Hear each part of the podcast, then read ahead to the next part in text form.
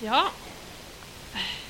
i dag så jeg tror mikrofonen kan tilsi at enten så er jeg fylt av ånd, eller så er jeg fryktelig nervøs. Og det er nok dessverre det siste. Jeg vil bare be sjøl òg. Kjære far, takk far for at du er her. Og jeg ber Herre om at det, dine ord skal bli sannhet i våre hjerter, Herre.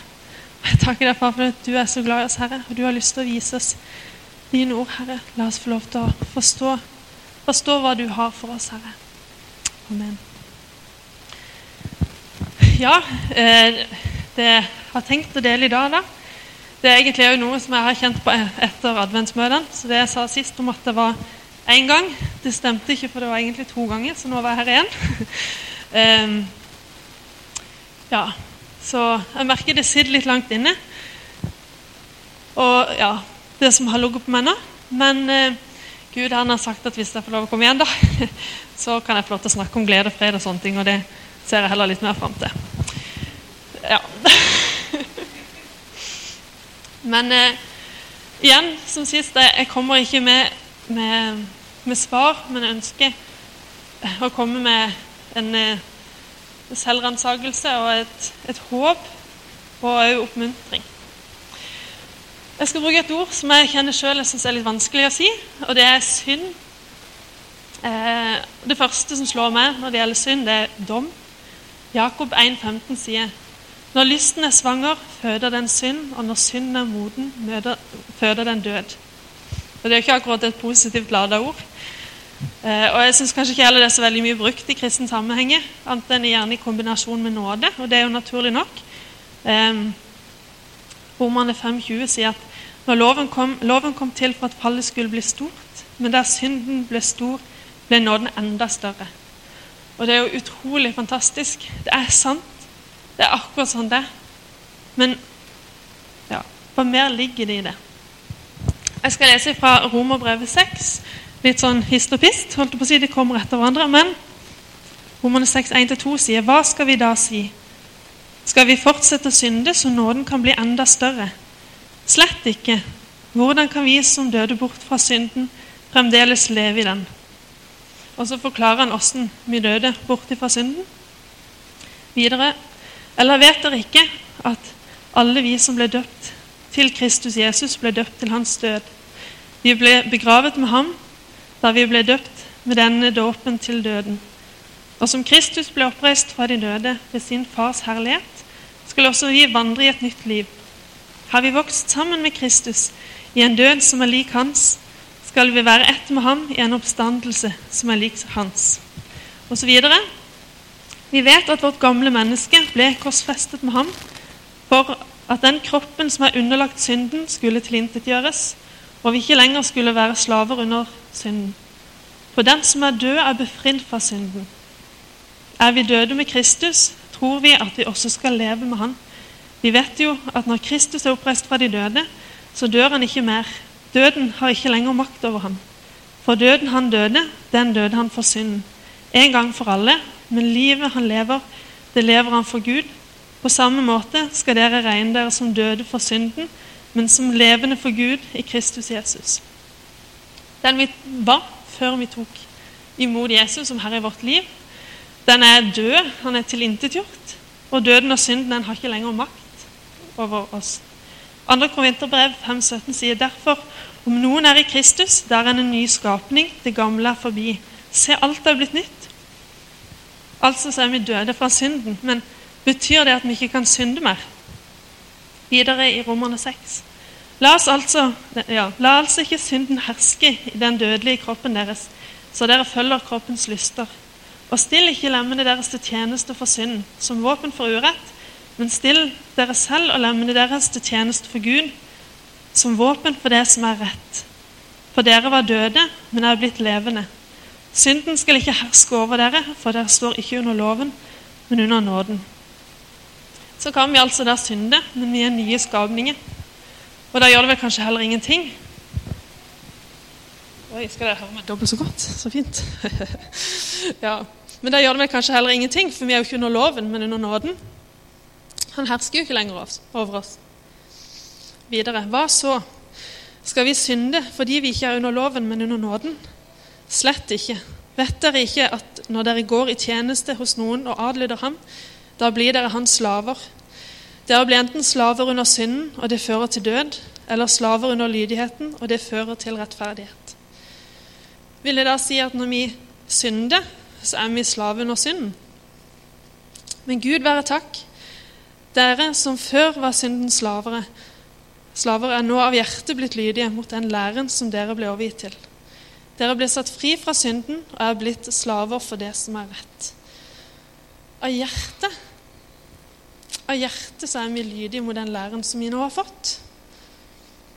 Og videre Jeg bruker et bilde fra dagliglivet fordi dere er svake av kjøtt og blod.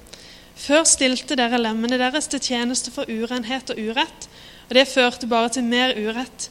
Men nå skal dere stille lemmene til tjeneste for det som er rett, så dere kan bli hellige. Så nå skal vi altså da, som det står her, stille lemmene til tjeneste for det som er rett, så dere kan bli heldige. Ja, Det høres jo egentlig litt voldsomt ut, syns jeg. Det er jo klart at sånn, ja, Teoretisk sett, da, hvis du slutter å gjøre alt det som er galt, alt det som du vet at Gud ikke vil, så blir du vel i teorien hellig. Er dere med på tanken? Nei, jeg håper det. I alle fall. Eh, men vi er jo bare mennesker, så jeg tror alle kan kjenne på det. Den teorien der er ikke så lett å utføre i praksis. Eh, så vi er helt avhengig av den tilgivelsen som vi har i Kristus. En annen oversettelse sier at når man byr lemmene fram til tjeneste for urettferdigheten, fører det til helliggjørelse. Og For meg så er det litt mer forståelig. Det står at den som stjal, skal ikke stjele lenger. Og Det sier seg sjøl at hvis du stjeler, og når du da tar imot Jesus og slutter å stjele, så blir du strengt tatt litt mer hellig, hvis du kan kalle det det. Um, og det er jo hva helliggjørelse handler om, å legge av seg det som, som er urett i Herrens øyne. Du vender deg om fra det gamle livet til det nye. Vi nye skapninger. Så du omvender deg til Jesus. Så da stiller vi våre lemmer til tjeneste for det som er rett. Så fører det til helliggjørelse, så dere kan bli hellige. Videre skriver Paulus.: Den gang dere var slaver under synden, var dere fri fra det som er rett. Hva slags frukt høstet dere da? Slik som dere nå skammer dere over, for det fører til død. Men nå er dere frigjort fra synden og er blitt tjenere for Gud. Og frukten er helliggjørelse, og det fører til evig liv. Syndens lønn er døden, men Guds nådegave er evig liv i Kristus Jesus, vår Herre. Jeg har kjent at synden den bare bærer bare frukt, som jeg ja, blir flau av i ettertid. Og den som det står, fører bare til død. Men heldigvis har vi fått Guds nådegave, som er evig liv. Jesus Kristus, som er vår Herre. Som vi er frigjort fra synden når vi er blitt tjenere for Gud. Og den frukten er helliggjørelse. Men når synden likevel klarer å felle oss igjen og igjen og igjen, så kan vi allikevel ja, Det er typisk på de samme tingene, iallfall for min del. Så kan man komme til Jesus igjen og bekjenne våre synder. Romerne Nei, det var det ikke. Første Johannes 1, 8-9 sier Sier vi at vi ikke har synd, da bedrar vi oss selv, og sannheten er ikke i oss. Men dersom vi bekjenner våre synder, er Han trofast og rettferdig og renser oss fra all urett. Vi lever i en fallen verden. Og Jeg tror nok alle her inne har sine mørke hemmeligheter. og det er jo klart at En skal ikke stå her og rope det ut, men en skal gå til Jesus. For han er trofast og rettferdig, og han renser oss fra all urett. Og Hadde ikke disse ordene her vært sanne, så hadde vi heller ikke fått dem, uansett hvor galt det står til med oss. Han vil at vi skal stå til tjeneste for han, for rettferdigheten, og at vi skal være hans tjenere. Ja, Når det er en synd, uh, synd i oss, bare for å dra ordet enda lenger fram, så er jo det gjerne, iallfall for min del, så kjenner jeg at det er jo noe jeg har lyst til å slutte med. Jeg har lyst til å streve med det. Eh, den ødelegger. Den stjeler frimodigheten, og den tar fra oss den selvfølelsen vi har. Og det er ikke uten grunn at Paulus sier at enten så er vi slave under synd eller under eh, lydigheten til Jesus. Det er enten eller, og hadde vi ikke kunnet vært av slave under lydigheten, så hadde han heller ikke sagt det. Og det er jo det som er så bra. Han sier at vi, eh, tidligere at vi er døde fra synden, men døden den befrir oss fra synden. Så når vi er døde med Kristus, så er vi òg oppreist med Han, og vi trenger ikke lenger være slave under synden. Vi er tilgitt alt det vi har gjort, alt det vi kommer til å gjøre. Selvfølgelig når vi angrer, da. Uten anger så kan kanskje be litt hardere da, og få litt hjelp til det. Men i alle fall så har vi fått en eh, nøkkel til å leve i lydighet så lenge vi er her, da. Jeg skal bruke et eksempel om meg sjøl som jeg tror jeg har brukt egentlig tidligere. Eh, I forhold til tålmodighet. Eh, for det at jeg har slitt med å være utålmodig.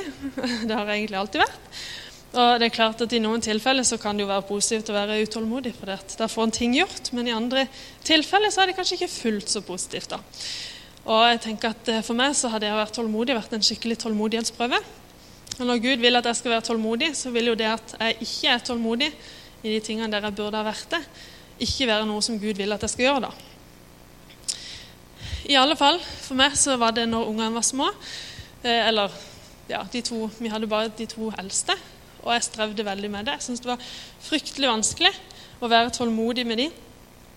Og jeg hadde nok mange tårer som kom da, både fordi at jeg ble så frustrert over den situasjonen, og at jeg ble frustrert over meg sjøl som ikke klarte å være tålmodig, for det er jo det jeg skal være. I alle fall, Jeg ville virkelig være tålmodig. Jeg ba til Gud om at han bare måtte skjenke meg tålmodighet. At jeg bare skulle bli det. Men så var det en dag så fikk jeg en sånn aha-opplevelse, om jeg kan kalle det sånn. For plutselig så kom dette med at OK, Gud Det står at ja, kjærligheten er tålmodig, ikke sant? Det står at Gud er kjærlighet. Det står at Gud er i meg. Så da vil jo egentlig det si at kjærligheten, Gud, er i meg. Jeg har jo allerede tålmodigheten. Jeg trengte ikke be om å få den, for jeg hadde jo allerede fått den. Sånn opplevdes det for meg. Og Etter det så ble det veldig annerledes. Selvfølgelig er det ikke bare å være tålmodig. Det, det sier jo seg sjøl, det. da. Men jeg måtte jo kjempe for det. Kjente på den der, der. Men samtidig så visste jeg at jeg kunne jo være tålmodig, for jeg hadde den tålmodigheten i meg. Og det var akkurat som jeg hadde fått de redskapene jeg trengte for å være tålmodig. Og de gangene jeg ikke klarte det, for det var det jo selvfølgelig, da kjente jeg selvfølgelig et nederlag. Samtidig så kjente jeg jo en glede ikke en glede over at jeg ikke klarte det, da, selvfølgelig, men en glede over at neste gang da hadde jeg en ny sjanse. En ny sjanse til å kunne klare å være tålmodig. Og så ble det på en måte en liten seier for meg hver gang jeg klarte å være tålmodig. Og så i sommer, da var vi i, i Leos legeland. Eh, der er det jo veldig gøy for ungene, så vi var der. Og vi hadde egentlig vært der ganske lenge, og det var ikke så fryktelig lenge til vi skulle gå. I alle fall så gjorde Vi det sånn at vi hadde liksom en base, en sofa der vi satt i, og så visste ungene alltid hvor vi skulle være hvis det var et eller annet. Og der sa det. Og Trygve var jo rundt og lekte der. I alle fall Vi bytta litt på å leke, så vi kunne leke begge to. Men i alle fall så kom der to damer og en eh, liten gutt eh, inn på legeområdet der. Og ja, jeg merke til de. Hun, det viste seg å være bestemor da, og mor og barnebarn. Og hun bestemora hun eh, prata så godt med den lille ungen som lekte rundt der. Hun kunne vel ja, bare krype, men hun var så god med han. Eh, og så sto hun der på sida, for hun hadde tydelige problemer sånn fysisk.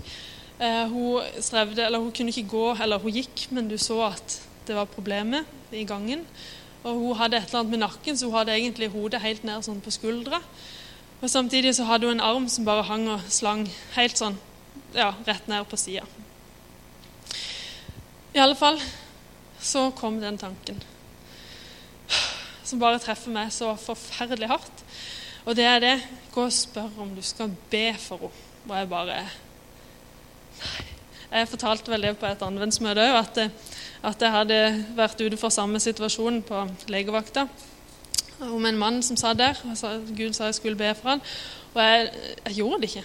Jeg visste at jeg trossa fullstendig, men jeg gjorde det ikke. Jeg bare åh, nei. I alle fall, Jeg husker på dette her selvfølgelig når jeg satt der, og jeg bare kjente det at det, at det raste rundt inni meg. Det, følelsene de bare hagla, og utenfra så, så det ut som jeg bare sa der og hvilte meg mens ungene lekte på Leos, men det var ikke sånn det var. Det var en krig som var inni meg. I alle fall, hele meg bare skreik nei, naturlig nok. Jeg hadde jo ikke lyst til det.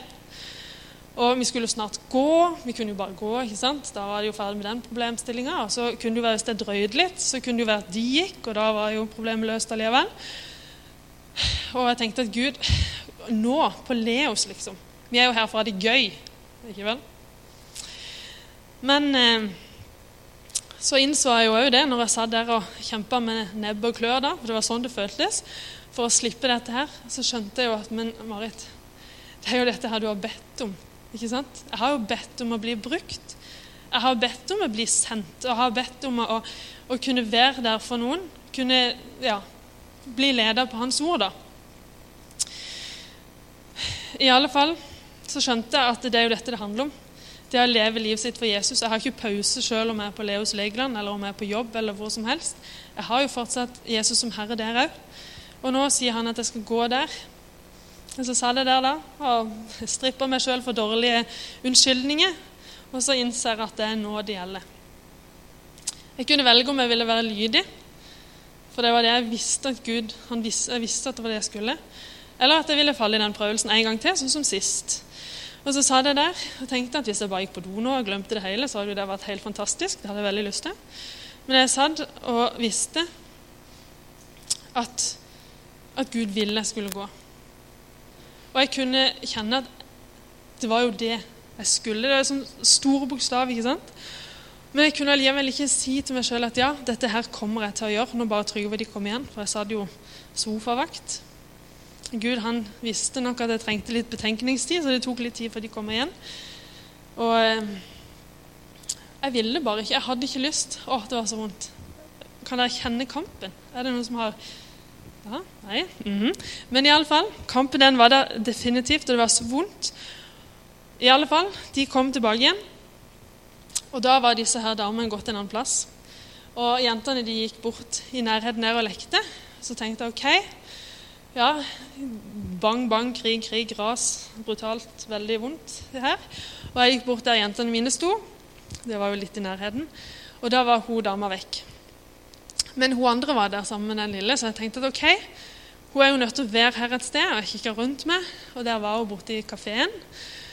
Og tenkte ok, jeg må. Jeg er jo helt nødt. Jeg hadde jo lyst. Jeg hadde jo lyst til å gjøre det Gud ville, men det var helt forferdelig vondt. Jeg hadde ikke lyst til meg sjøl. Marit ville ikke, men Gud ville, ja. Jeg kom fram til at hvis jeg gikk nå på do, mot doen iallfall, så ville jeg antageligvis treffe henne på halvveien.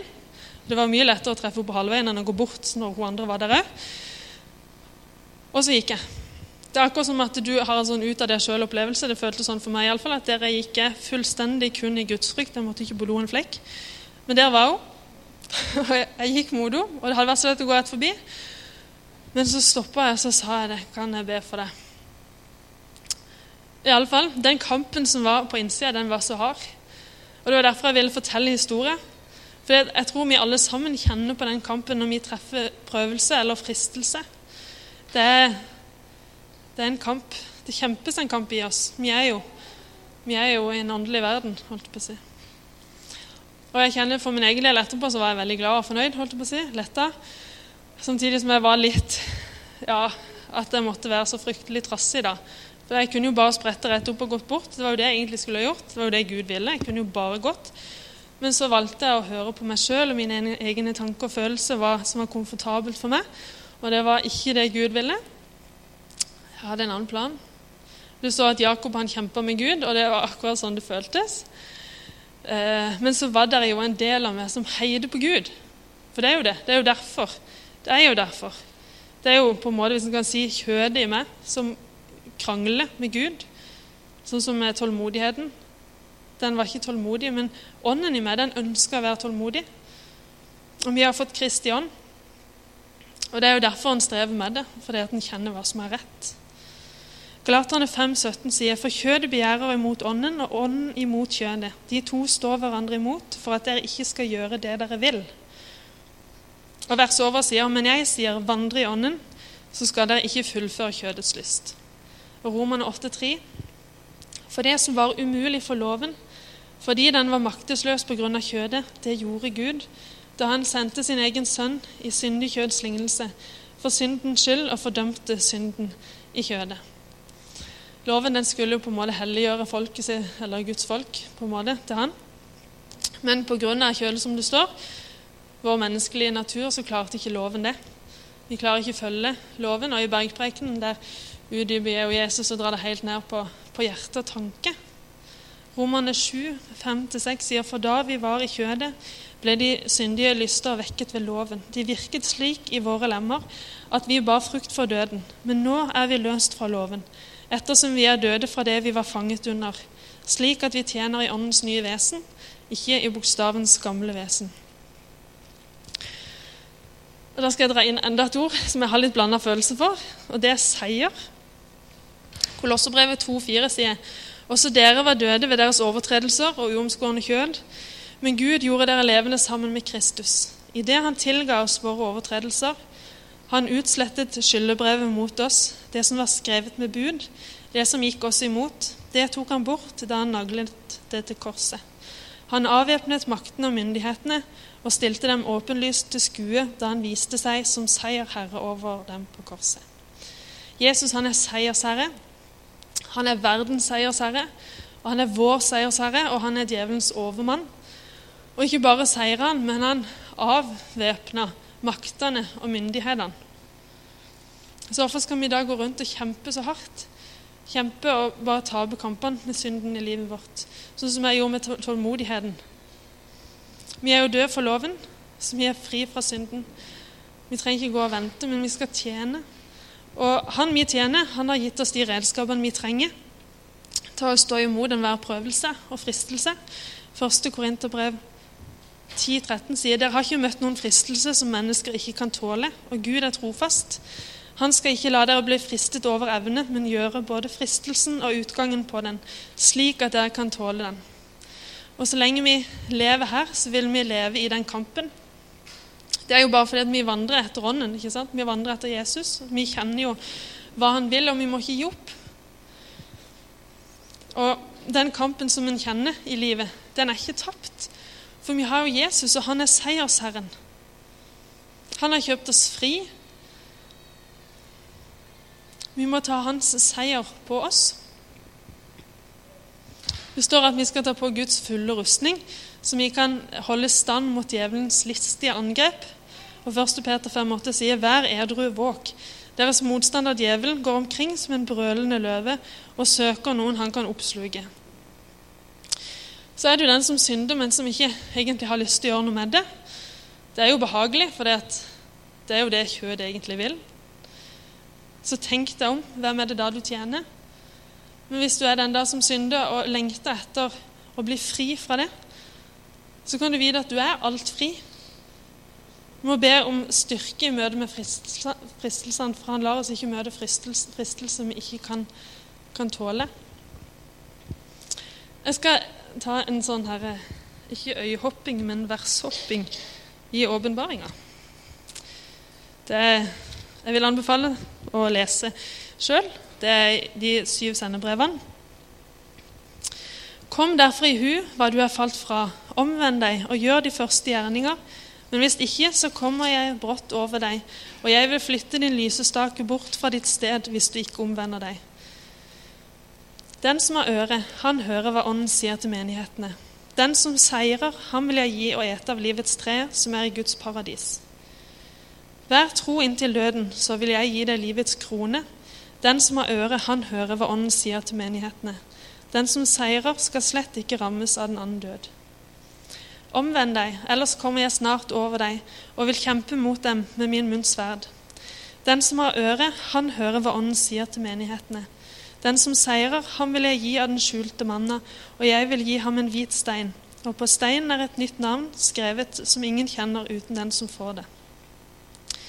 Jeg ga henne tid til å omvende seg, men hun ville ikke omvende seg fra sitt horeliv.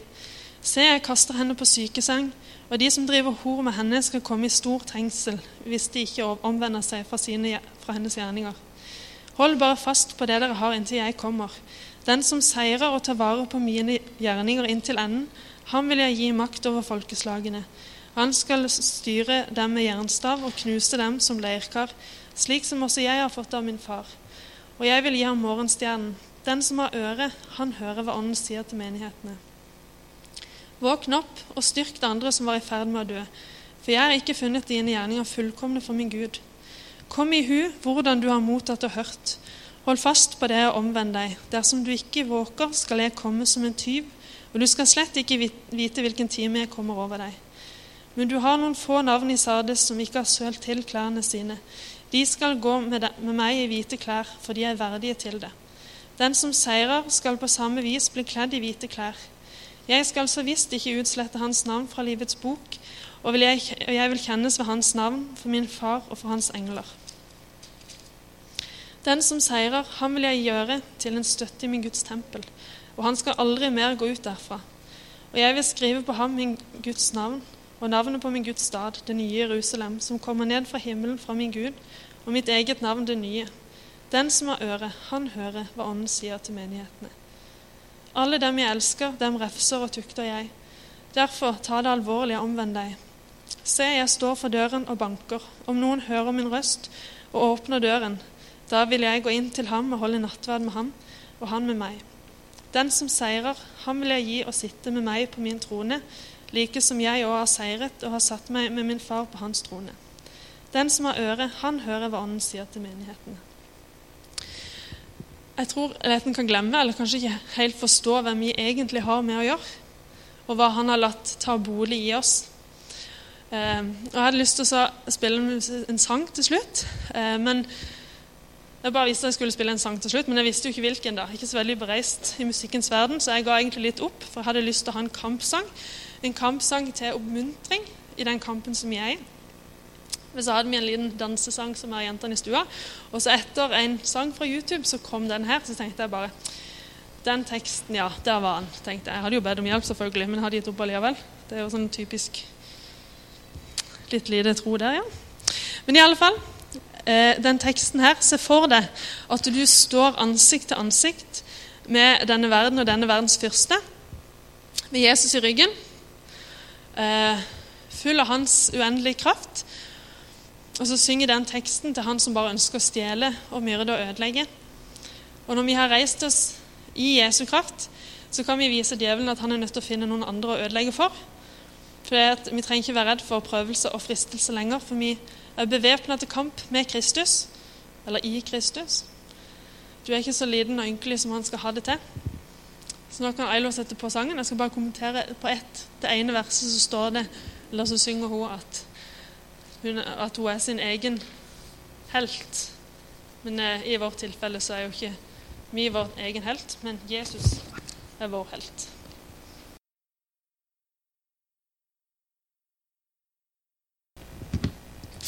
Ja, eh, jeg tror jeg kommenterte det at hvis om jeg hadde tenkt å si noe mer om hun dama. Jeg kan jo for så vidt si det. Eh, men eh, jeg fikk lov å be for henne, og jeg ba en helt forferdelig dårlig bønn. Jeg klarte å slutte meg i helbredelsens navn, er ikke det fint? Og så fikk jeg retta opp det å si Jesu navn på slutten. Men i alle fall, jeg gjorde det jo i alle fall. Jeg fikk lov. Og så, så begynte hun å prate med meg. Jeg ble faktisk litt overraska over det sjøl da. Hun sa så vidt bitte grann, og så skulle hun gå. Og så sa jeg noe som, som jeg hadde kjent på helt siden jeg så henne først med en gang. Og det var det at hun var, tross alle de tingene hun hadde, så, så, eh, så var hun så fin. Og så sa jeg det til henne at, eh, at jeg ville bare si at jeg syntes hun var så fin. Og da stoppet hun helt opp. Og så sa hun at det, det har jeg ikke hørt på veldig lenge. sa hun. Så jeg tror egentlig det var det hun skulle. Jeg tror derfor jeg skulle gå bort der.